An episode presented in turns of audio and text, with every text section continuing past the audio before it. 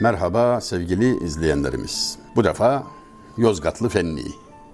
Mehmet Said Fenni 1850 1918 68 yıllık bir ömür, Yozgat'tan Ankara'ya kadar bir geliş, orada kalış ve Ankara'da defin. Hikaye kısaca bu. Devlet memuru, mühür kazma sanatında mahir, gubari hat yazısında mahir.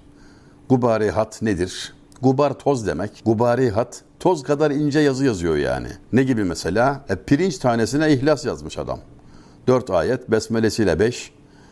Bir pirinç tanesine ihlas şerifi yazan bir adamdan bahsediyoruz yani. Aynı zamanda şair. Hem de çok çok çok iyi bir şair. O kadar olur yani. Fenni kelimesini günümüze tercüme edecek olursak on parmağında on marifet filan dememiz lazım. İşte bu öyle bir adam. İşin doğrusu merak ettiğim, çok çok merak ettiğim adamlardan biri.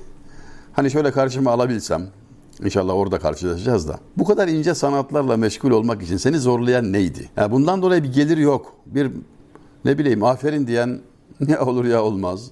Kıymet bilenler de. Ama inceliklere, güzelliklere o kadar aşina, o kadar teşne, öylesine tutkun ki her sahada muazzam işler yapmış. Şükürler olsun Allah'a. Anavatan Partisi eski Yozgat Milletvekili Ali Şakir Ergin Bey ki Allah hayırlı ömürler versin. Kendisiyle tanışma şerefine nail olduk. O zat tarafından divanı bulunup çıkarıldı. Yozgat Belediyesi'nin de himmeti eksik olmadı. Defalarca basıldı. Yaklaşık 6 ay önce nefis bir prestij baskısı yapıldı. Hakikaten çok güzel, kayda değer. Bize de lütfedip gönderdiler. Fenni merhumdan 11 beyitli şöyle ağzınıza layık bir gazel. Bu kadar güzel mi yazılır? Her beytte şimşekler çakıyor. Bu kadar yani hayat prensipleri koymuş.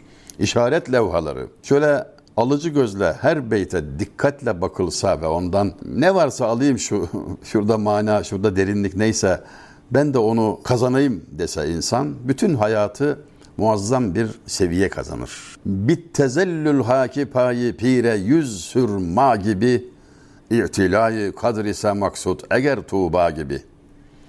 Yani şiirin tamamını okumadan evvel şu ilk beytte ne gibi manalar gösterilmiş, nasıl cilveler var işaret etmeme izin verin.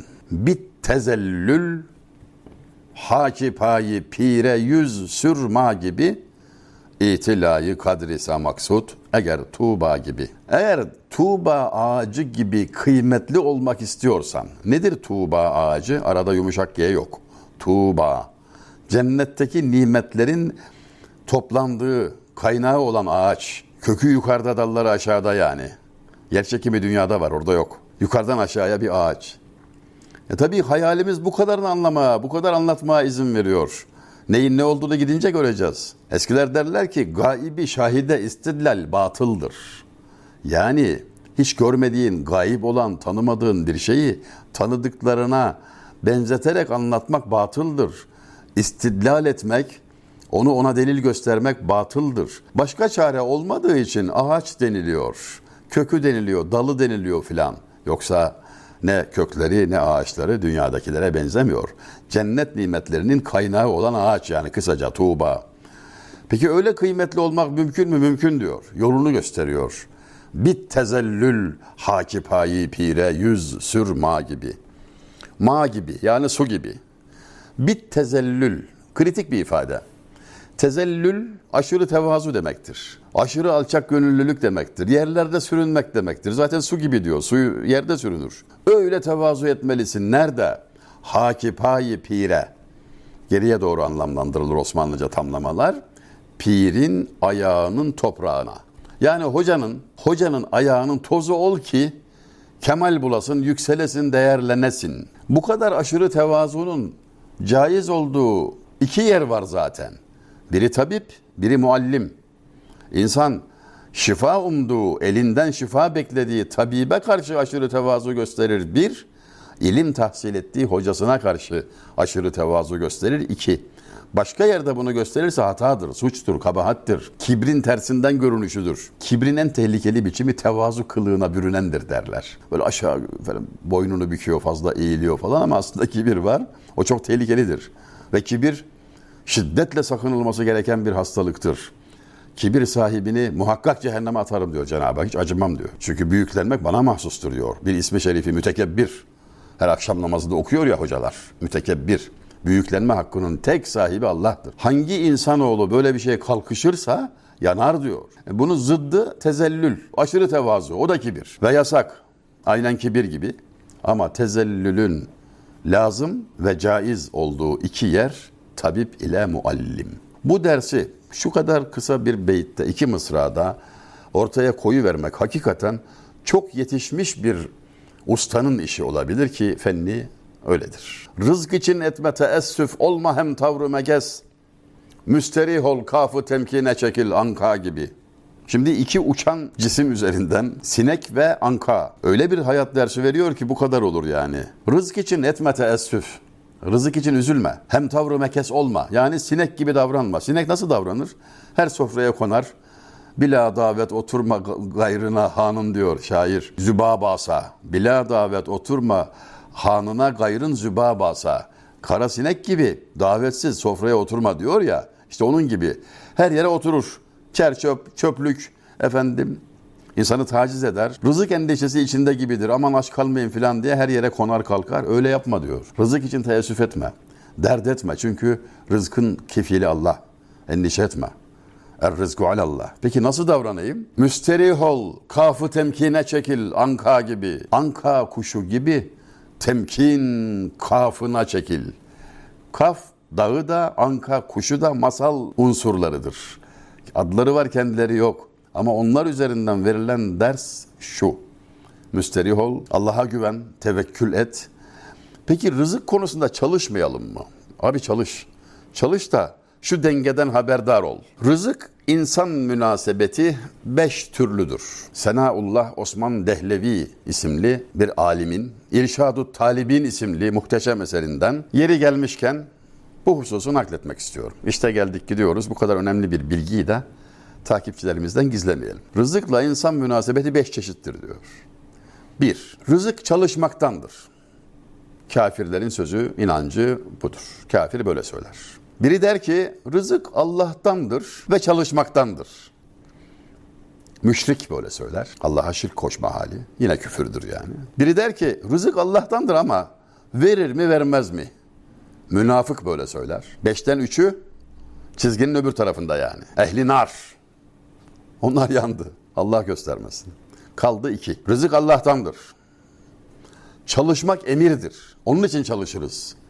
Çalışmakla rızık hasıl olacak değil der. Doğrudur bu itikat. Ama çalışırken günaha girer. İşte fasık Müslüman, günahkar Müslüman, kabahatli Müslümanın hali budur. Beşincisi de şudur ki rızık Allah'tandır. Çalışmak emirdir der, çalışır. Çalışırken dine uyar, haramdan sakınır, kurtulur, korunur.